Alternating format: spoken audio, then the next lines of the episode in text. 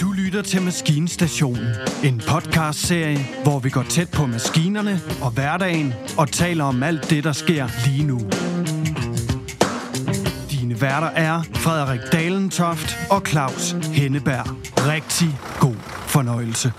Velkommen til Maskinstationen, episode 24. Nemlig, Frederik. Ej, og det er bare fantastisk, når du kan. Jamen, øh, vi skal jo fortsætte øh, her simpelthen fra 72 af 1972. Det var det år, vi sluttede af i sidste år. Og Ja. ja. hvem, er det, der, hvem er det, der er født i det er- 1972? Ja, det er min mor. Nå, det er gammel sager, vi er med at gøre. Ej, det er det. Ej, nu skal jeg forstå, hvad jeg siger. Ja, ja, ja. Ja. Forresten, så lige når, øh, når jeg kommer til at tænke mig om, så er jeg 72. Det er faktisk ikke ret længe siden. nej, nej, mor. nej, nej. Det, det er ikke så længe siden. Men øh, vi, skal, vi skal videre, øh, Johannes. Fra 72 og stop Dronningborg. Hvad var det så? Hvad, hvad var det, der fik dig til at stoppe op ved Dronningborg, Johannes? Ja, det var, at øh, jeg blev ringet op. Øh, jeg har været midt i 72 af min tidligere lærermester nede i Vamdrup, og som siger, at øh, vi har kørt fast. Vi vil gerne have noget hjælp til at komme videre. Og vi øh, har tænkt på, om du vil øh, være med til at køre os videre, og så købe en del af, af den maskinfabrik der. 25 procent kunne jeg så købe. Hvad lavede de af maskiner? Ja, men de lavede på det tidspunkt en del staldinventar, som også var landbrug. Og så lavede de øh, forskellige underleverandører arbejde, og, og de som en produktion havde de en, en drejebænk. En drejebænk til træ, som øh, blev solgt til øh, skoler, til, til undervisning i sløjlokaler og sådan noget. Og Hvor- det, det gik egentlig meget godt. Og den producerede de selv, eller hvad? Ja. Den drejebænk? Ja. Okay, ja. Og den producerer vi for et firma over i Askov ved vejen. Og så solgte de den til skolerne.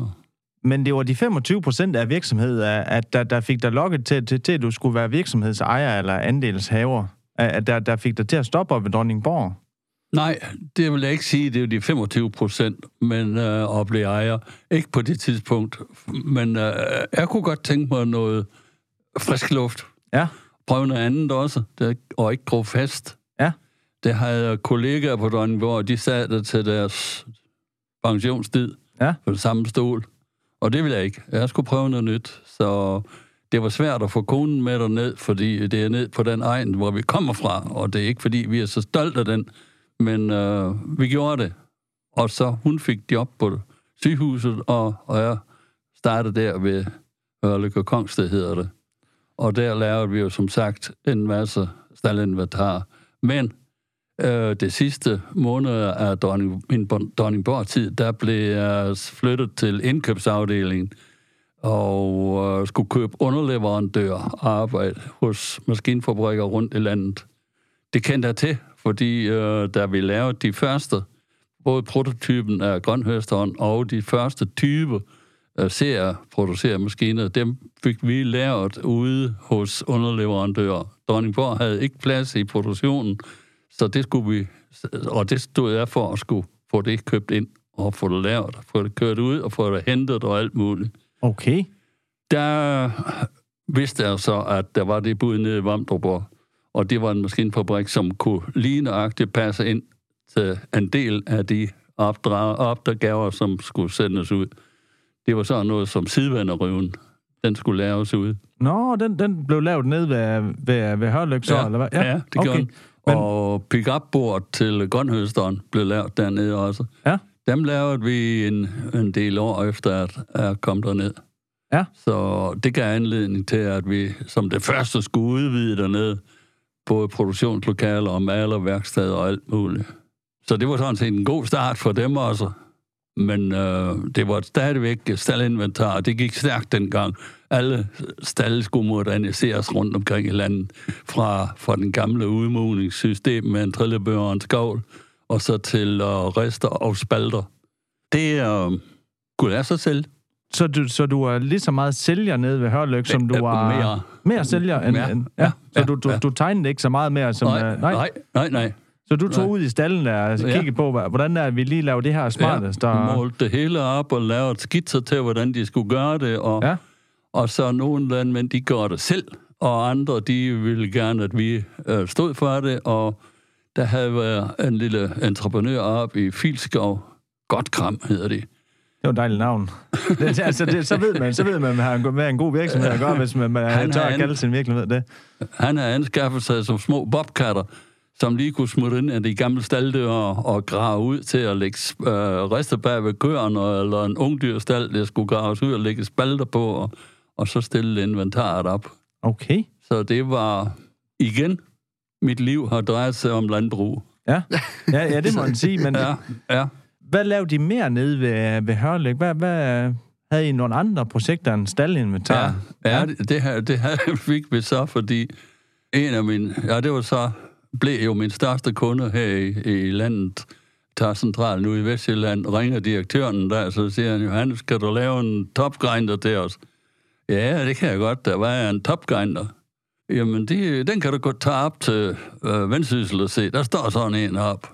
Så tog vi op og så på den, og det var re- reelt smederarbejde Men og hvad, maskinarbejde. hvad er det for noget? øh, Hvad, hvad, hvad kan den? Topgrinderen, den kan tage en stor rundballer eller en firkantballer, og så kan den hakke det i små stykker, så du kan enten putte det i en slaglemølle og formale det og lave det piller af, eller du kan uh, behandle, ludbehandle det, og så bruge det direkte til foder til kreatur, som man gjorde der i 70'erne.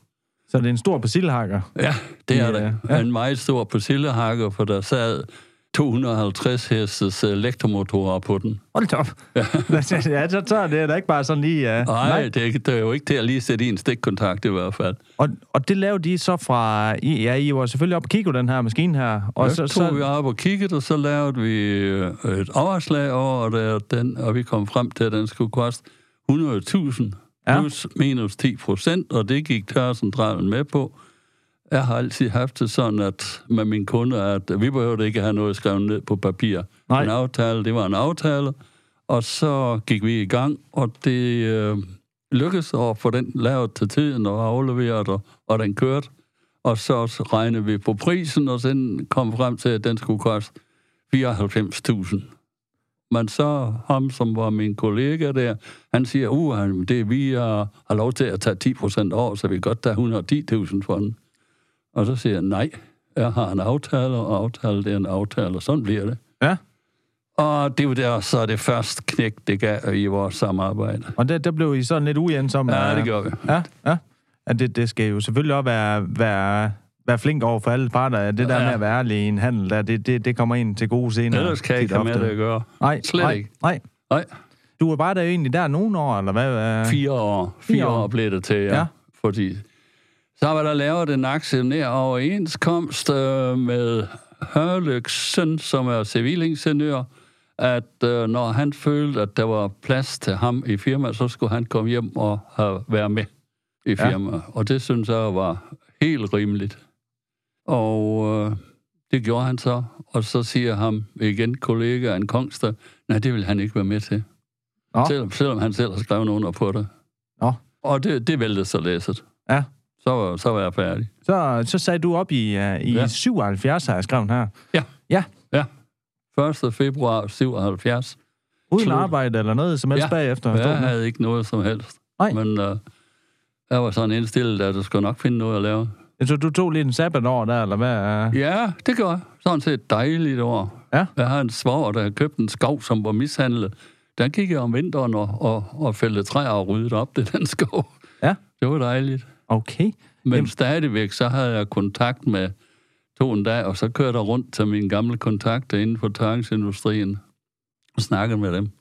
Og blandt andet så havde jeg også en kontakt i Frankrig. Han ringede og siger, kan du ikke lave en topgrinder til os? Jo, det kunne jeg da godt. Men det var i hvert fald ikke Hørlykke Kongste, der skulle lave den. Så jeg henvendte mig til en tidligere kollega på Dronningborg, som var gået over til en maskinfabrik i Randers, hvor han var delvis ejer af, og siger, kan du ikke lave den? Jo, det kan jeg godt, men du skal sørge for, at vi er, der er tegninger, og så er, jamen, det skal jeg nok. Ja. Så lavede de den. Så selv, solgte vi den til Frankrig. Der fik I lavet en mere, og der, ja. Ja. der, der var du oppe og hjælpe med at lave den, ja. eller hvad? Ja. Instruere? Ja, ja, ja, ja, okay. ja, det var. Men hvordan, uh, hvordan var det så... Uh, var det noget med, at Bertel Hård, han tog fat i dig på et tidspunkt uh, nede for tørrestationen? Bertel Høj. Bertel Høj. Bertel Høj hedder han. Ja, undskyld. Fra Alfax. Han, han besøgte jeg også. Ja. Øh, og øh, sådan der, så vi sidder og snakker over en kop kaffe, så siger han, nu ved jeg, hvad du skal lave. Nå, du skal sælge champion i Danmark. Nå, jamen godt. Det kan da godt være, siger jeg. Så kørte jeg hjem, og så nogle, nogle uger efter, så kom der brev fra USA, fra fabrikanten derovre. Han har hørt sådan og sådan, om jeg ville mødes med ham. Og det vi mødtes så. Vi lavede en aftale, at jeg skulle forsøge at sælge dem i Danmark. Og så startede jeg mit eget firma i 1978. Scansiamp hed det. Og det var jo selvfølgelig første omgang til at, at sælge, og så reservedel. Okay, så I fik, uh, I fik også uh, reservedel hjem, så I havde, uh, som man ikke skulle bestille derovre fra. Så I... Altså, der var jo kommet nogle få maskiner til, til landet, og de havde jo problemer med, at, at de skulle selv købe dem direkte i USA. Og, og det var jo alt for besværligt. Så det, de, var, de synes jo, det var en god idé, at der startede på det der. Så jeg skulle til at etablere et reserveslager. Jeg havde jo ikke andet end mit hus i Kolding, og så der kunne vi jo ikke have det. Jo, det startede så med i garagen i, i Kolding, hvor jeg havde reservedele. Havde du reservedel til, til uh, champion Ja, snitter? de, de champion-snitter, det kørte. Men det første år, skal vi så sige jo, altså til sæson 79, der nåede der jo alligevel at sælge 5-6 stykker, fordi tørringsindustrien havde fået den mulighed, at de kunne låne billige penge i EU til at købe maskineri, til at modernisere den der tørringsindustri. Så det gik, det var en flyvende start, jeg fik. Hvorfor, hvorfor ville de, uh, hvad hedder, have, give uh, støtte til det her EF, hedder det vel egentlig? Ja, det hed det dengang.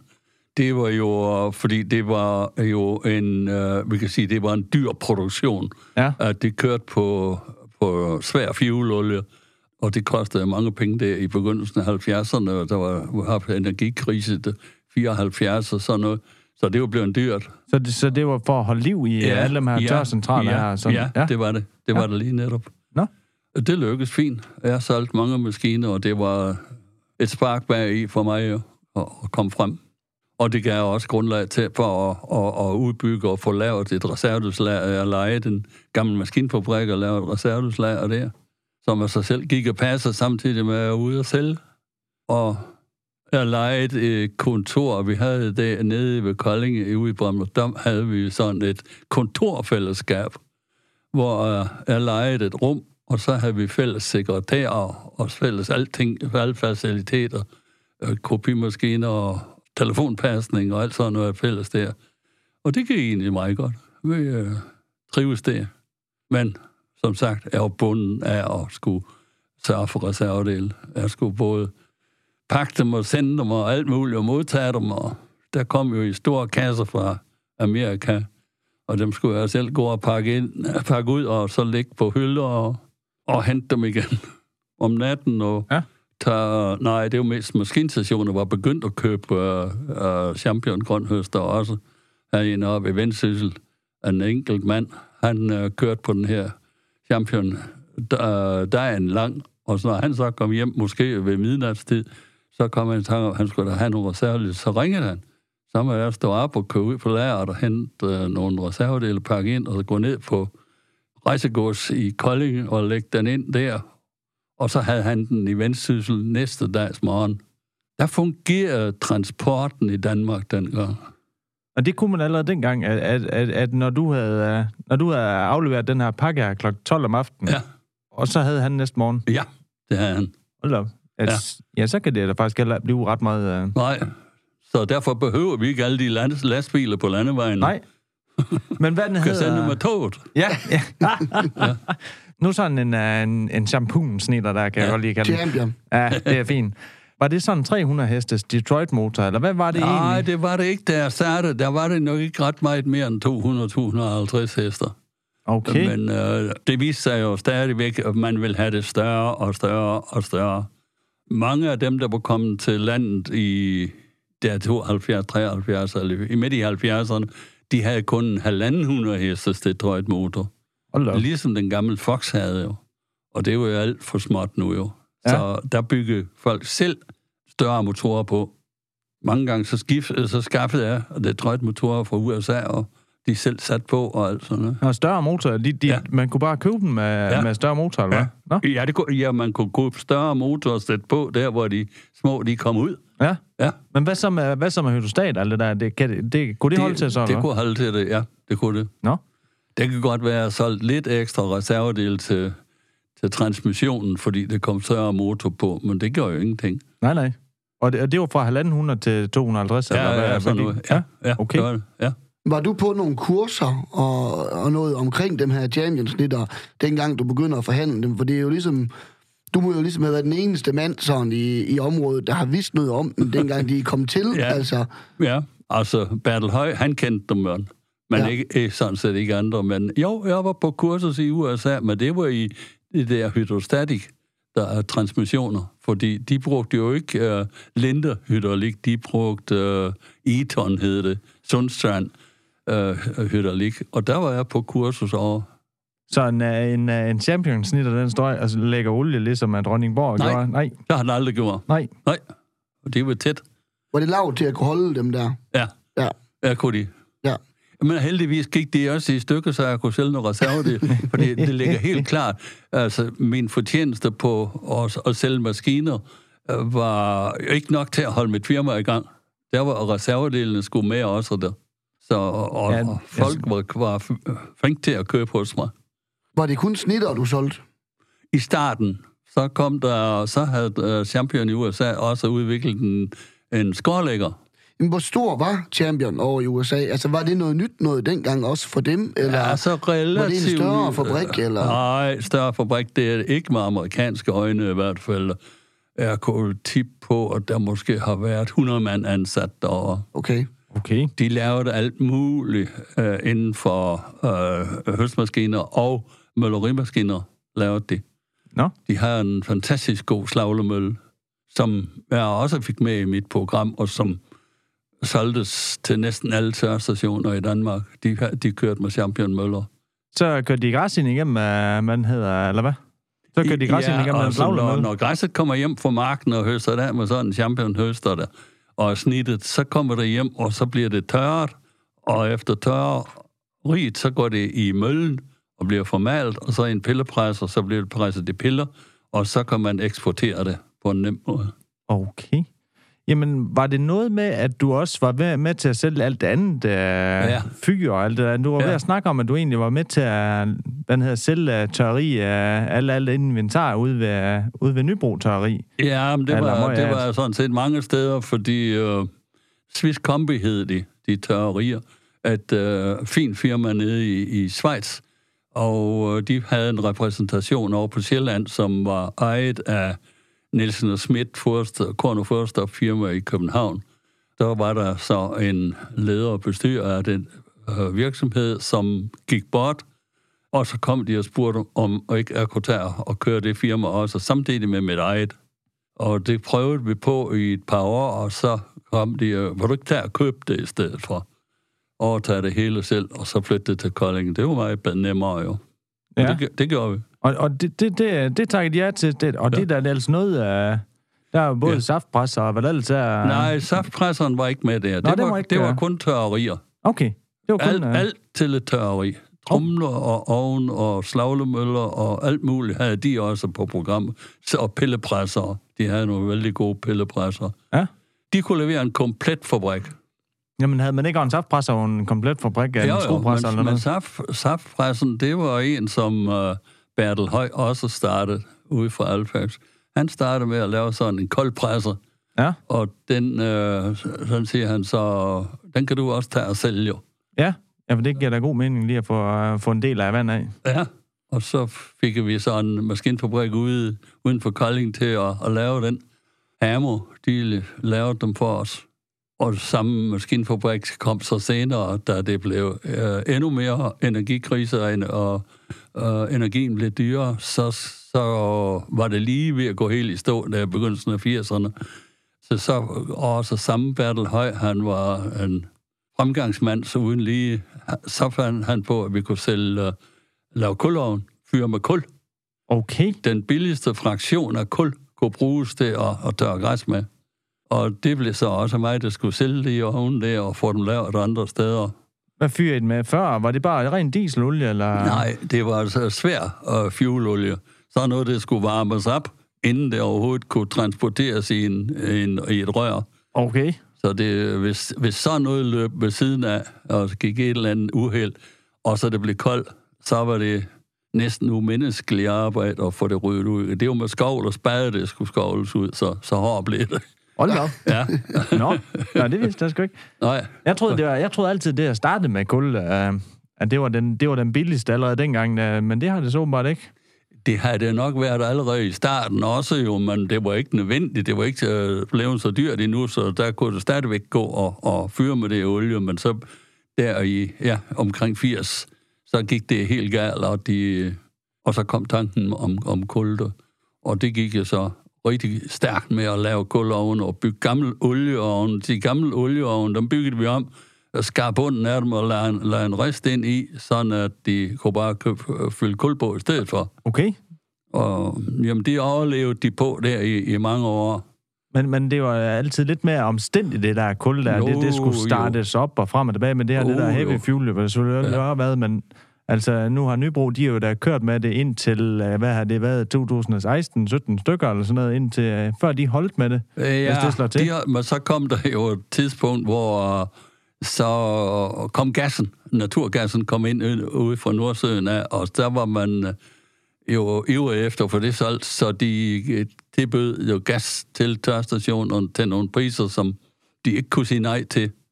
Nej. Og så, så blev det lige pludselig lavet om til gasfyr. Så der kunne jeg så sælge, hvor det gamle olieovn var bygget om til kul. Der kunne vi nu så tage det kulovn ud, og så finde et oliefyrsovn et andet sted i verden, og så sætte ind og sætte gasfyr på. Okay, Så kørte man på gas i en del år. ja. Så blev de jo lige pludselig for dyrt også, og så gik man tilbage til kul igen. Mm. Så det har givet noget at handle med hele vejen igennem. Vi skal lidt tilbage til historien igen. Hvad den hedder. Der har været noget med en tur til Minnesota, øh, hvor du havde solgt nogle maskiner, eller gav en håndslag på nogle maskiner. Ja, Hvordan var det, det gik? det gik ikke særlig godt. Nej. Og jeg kom derover i det, begyndelsen af december måned, og der på det tidspunkt var Champion-fabrikken blevet overtaget af nogle andre, af en anden maskinfabrik. Og øh, året før, det havde så været til øh, 86, der havde de udviklet en ny grønhøster, som jeg fik en af til Danmark, som var virkelig up to date med elektronik og alt muligt. Men øh, den har sikkert været for dyr for dem at producere. Og så, da jeg kom derover, så sagde jeg, vi vil ikke producere dem mere. Så vil de simpelthen ikke uh, producere uh, champignons? Nej, eller? nej, Nå. det vil de ikke. Hvad, hvad gør I så? Ja, men jeg gik derover og funderede nogle dage, og så kom jeg havde solgt tre maskiner til næste sæson, og hvordan skulle vi få fat i dem? Så jeg tog chancen og sagde, at jeg vil gerne flytte den til Danmark. Og det fandt vi så ud af en løsning på, at øh, jeg kunne få alt det hjælp derovre fra, som jeg ville, mod at betale en royalty per maskine, vi lavede i så og så mange år.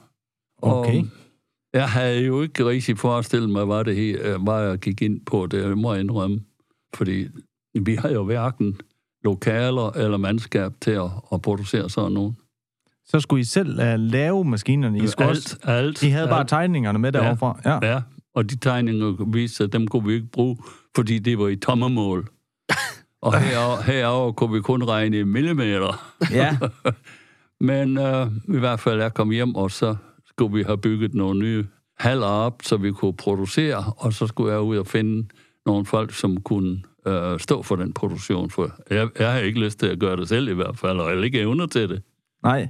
Så jeg, var, jeg har prøvet mange forskellige, der har arbejdet med Champion i de senere år, der, men øh, de havde ikke lyst til at, at op, sige deres job op ved tørstationerne og, og komme ind til mig.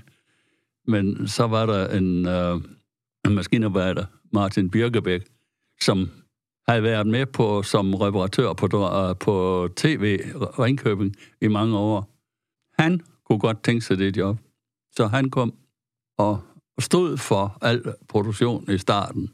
Men det var jo, det var jo en omvæltning uden lige. Jeg ved ikke, om I kan forestille jer, at skal starte sådan noget op og have tre maskiner klar næste, til næste sæson. Jamen ja, altså det, det, er jo, det, det er jo inden for en år, det her, du får startet en produktion op Ja, og for ja, lokaler og Ja, for det hele. Ja, ja, det er det. Hvordan, hvordan får man lavet alle delene og frem og tilbage? Hvordan, Altså, nogle kunne vi selv lave, og andre, det, det ud, underleverandør. underlever der? Ja. Underleverandør. Ja. Hele vejen igennem. Ja. Det er, altså for eksempel, øh, hele undervognen, den blev lavet op i Thy, og ja, mange er på lokale maskinfabrikker øh, rundt omkring Kolding, der arbejder for os. Men bliver det her ikke så for, uh, forfærdeligt dyr? Jo, Ja. det blev rejsomt dyrt. Jeg har slet ikke forestillet mig, at det blev så dyrt.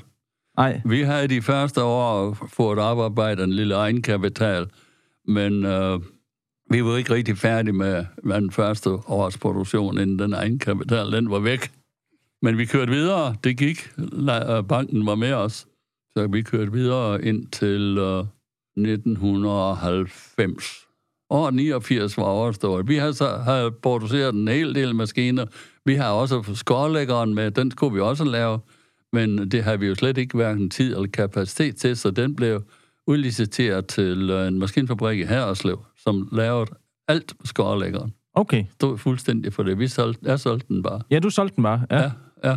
Altså, hvor længe er det så, I fortsætter dig og Martin sammen uh, i det her... Jamen, det gjorde vi så...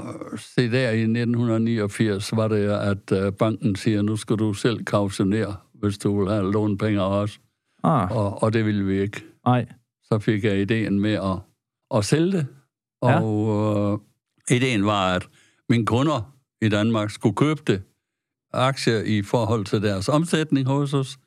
Og det synes vores bestyrelsesformand, at det var en god idé, og han siger, det skal jeg nok tage med at få solgt. Samtidig fik jeg så en blodprop i hjertet, og så det var jo godt, at der var nogen, der tog over. Ja. Så øhm, han gik ud og startede med den største, den i Ringkøbing. Og de siger, at det var da altid idé, men vi købe det hele. så de øh, blev enige med sig selv, om de godt købe 70 procent, og de sidste 30, dem skulle så fordeles imellem vores økonomichef, som vi har fået ansat, og vores to børn skulle have 5 procent hver, og jeg skulle have 10 procent hver.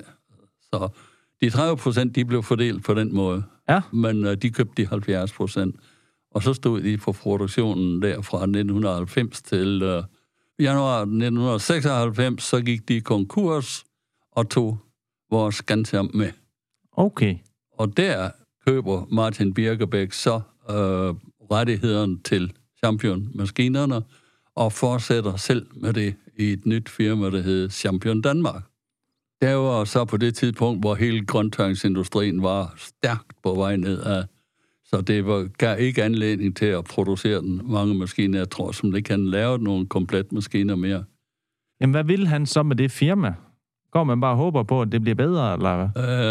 Øh, nej, det, at tror jeg så ikke, men han er jo stadigvæk lever reservedelsleverancer, som Nå. ikke er uvæsentlig med Nej. alle de maskiner, det gør det i Danmark. Nå, ja. Ja. Uh, og udover så solgte vi, uh, vi har repræsentation fra Kemper uh, majsøster Ja.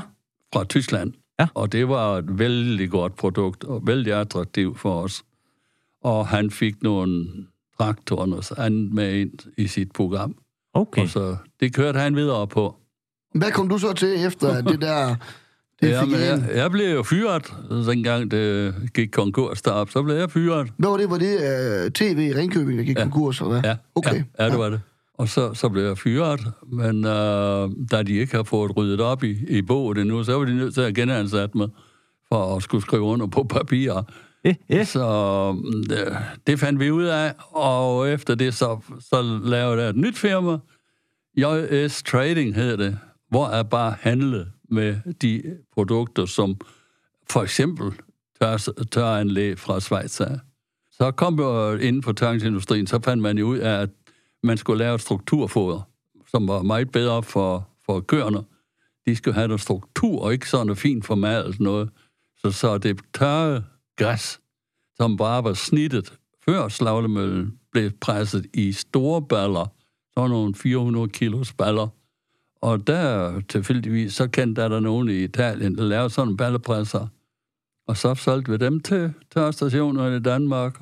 Er det Vicon-presser, eller hvad, hvad var det egentlig, der blev sat ind der? Det var presser, som førhen, eller som stadigvæk også bliver lavet til øh, affaldspresser. Vi så øh, eksempler på penge fra, fra banker, blev presset i sådan nogen, og så brændt af. Ja, det, nej, det var da sådan synd. Ja, ikke? Du kan tro, det giver det også i med dig. Nå, jamen er det Vicon Presser, eller hvad er det? Uh, var det dem, uh, der, der blev lavet til det? Var det ikke uh, Vicon, der lavede sådan noget der? Uh, Nej, nej, nej, det var det ikke. nej, Okay. nej, nej, nej, nej, nej, slet ikke. Nej, det her, Nej, nej, jeg, jeg, jeg sidder bare her. Jeg tror, det, det det var... nej, nej, det er slet ikke så, så hårde presser, som, som det, de kunne de andre har. Nej, Nej, okay. Så, Så- men, men ja, det, fordi det er jo noget med det, der er jo også stoltråd og alt muligt rundt om, uh, rundt om dem der ja, ja, høb, ja, eller der. ja, ja, det blev bundet med stoltråd. Ja. Og så, det blev så lidt øh, upopulært med det stoltråd. Hvis ikke man fik det fjernet helt, så kunne køerne finde på at få det i maven, og så var det helt galt. Ja. Og så kom, øh, kom jeg i forbindelse med et firma i Spanien, som øh, lavede baller, som er bundet med plastik. Ja. Plastikstrimler. Det er ikke så farligt, jo. Nej, Så, så, så begyndte jeg at sælge dem. i stedet for. Jamen altså, det der er sket nu, det er, at tiden den er igen gået. den, den Nå, render. ja, simpelthen. Den render og render og render. Render og render. Ja. Det har simpelthen været en fantastisk rejse, det her.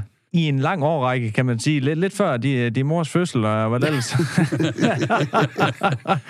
Øh, det, det skal vi virkelig sige tak for, at du Jamen, vil jeg har nærmest ingenting for noget at sagt. Jeg har bare sat på hele greven af det Ja, her ja, år. ja, det er virkelig bare, at det er fantastisk, er det? Ja. ja, det er dejligt. Men uh, tusind mange tak, fordi du vil komme herind Ja. og fortælle din historie. Gerne. Ja, Gerne. Det var Ja. fornøjelse. Det var simpelthen uh, fantastisk, ja. Så uh, kør du ordentligt, Claus. Ja, kør ordentligt.